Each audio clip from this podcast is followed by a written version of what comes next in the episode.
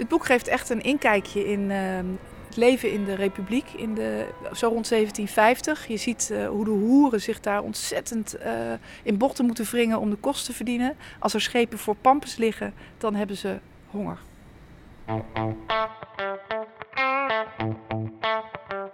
Ik ben Mechtelt Jansen en ik hou ontzettend van literatuur en van Amsterdam. In deze podcast neem ik je mee naar bijzondere plekken in Amsterdam, uit de boeken of levens van Nederlandse schrijvers. Ga je mee?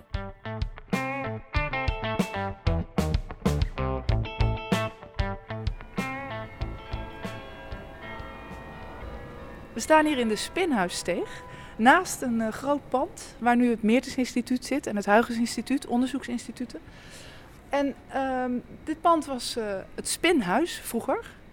En we staan hier voor een poort, een uh, ouderwetse, mooi gerestaureerde poort, met een relief erboven van drie vrouwen, waarvan de middelste een karwats heeft en degene die naast haar zit een map geeft daarmee.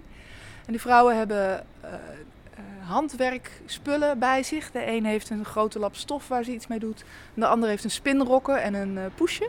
En daaronder staat de tekst: Schrik niet, ik wreek geen kwaad, maar dwing tot goed. Straf is mijn hand, maar lieflijk mijn gemoed. Het zijn vrouwen die uh, opgesloten zijn in het spinhuis, een strafinrichting voor vrouwen. En uh, de vrouw in het midden is de binnenmoeder. Die let erop of de vrouwen hun werk wel naar behoren doen. En die ene die is dus kennelijk aan het verzaken. En waarom zijn we hier? Nou, we staan hier omdat het Spinhuis um, een locatie is in de roman Een schitterend gebrek van Arthur Chapin. Zijn hoofdpersoon, Lucia, is een Italiaanse vrouw die uh, ooit de verloofde is geweest van uh, Giacomo Casanova. Maar zij krijgt de pokken en krijgt daardoor uh, lelijke littekens in haar gezicht. En zij besluit dat zij met zo'n geschonden gelaat niet zijn vrouw kan worden. Dat ze hem alleen maar zal hinderen in zijn ambitie. En na heel veel omzwervingen komt zij dan terecht in Amsterdam. En zij hoopt dat het in Amsterdam wat uh, toleranter zal toegaan. Er loopt net iemand naar binnen.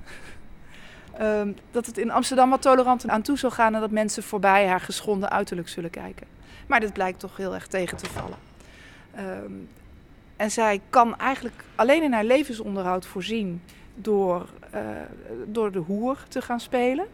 En heeft daar vrij veel geluk mee, want zij wordt vrij snel opgepikt door een man die in haar levensonderhoud gaat voorzien, die een kamer voor haar huurt. Ze wordt gekamerd, heet dat.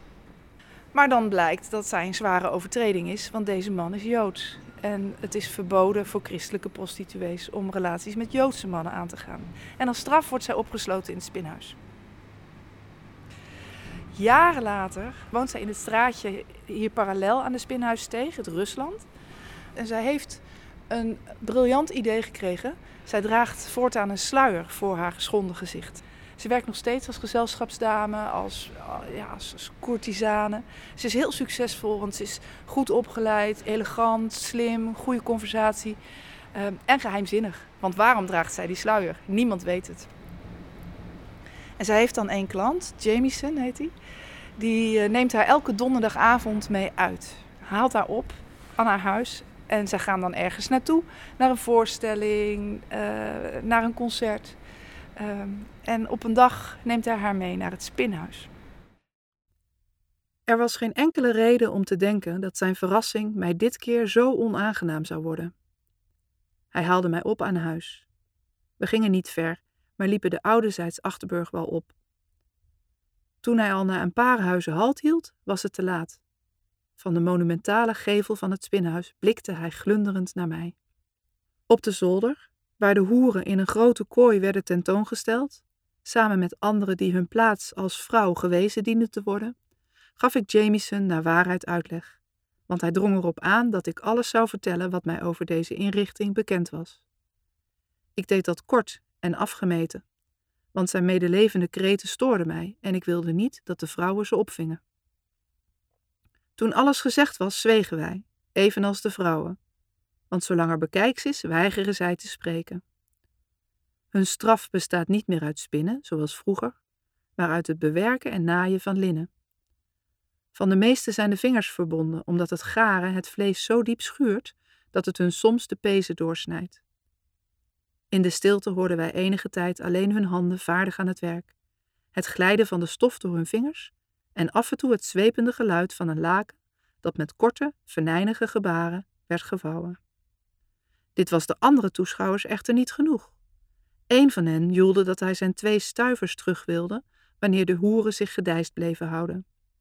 Een ander viel hem bij door te roepen dat hun zusters op de kruisbaan een stuk minder lui waren en in de stegen van de Kalverstraat al klaar stonden om passanten voor datzelfde geld een handje te geven.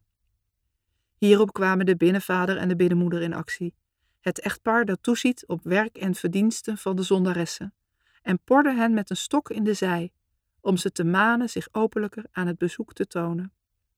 De meesten gaven toe en wendden zich met tegenzin naar ons, waarop zij als dank nog meer smerigheden naar het hoofd geslingerd kregen.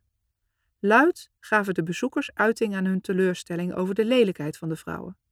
En zij maakten zich vrolijk over de klanten, die wel blind moesten zijn geweest, of tenminste toch wanhopig, om dit menselijk afval te willen gebruiken. Ja, en vervolgens uh, wordt zij herkend door een van die vrouwen die daar nog zit. En die trekt haar in razernij de sluier van het gezicht, zodat haar klant haar geheim te zien krijgt, weet waarom zij die sluier draagt. Dit boek geeft echt een inkijkje in uh, uh, het leven in de Republiek, in de, zo rond 1750. Je ziet uh, hoe de hoeren zich daar ontzettend uh, in bochten moeten wringen om de kosten te verdienen. Als er schepen voor pampers liggen, dan hebben ze honger.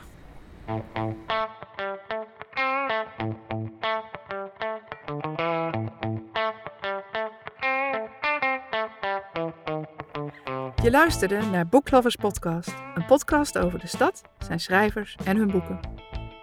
De muziek was van Orbiters.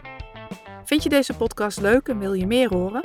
Abonneer je dan via je favoriete podcast-app en laat een review achter, zodat andere liefhebbers hem beter kunnen vinden. Vond je dit leuk en wil je het met eigen ogen zien?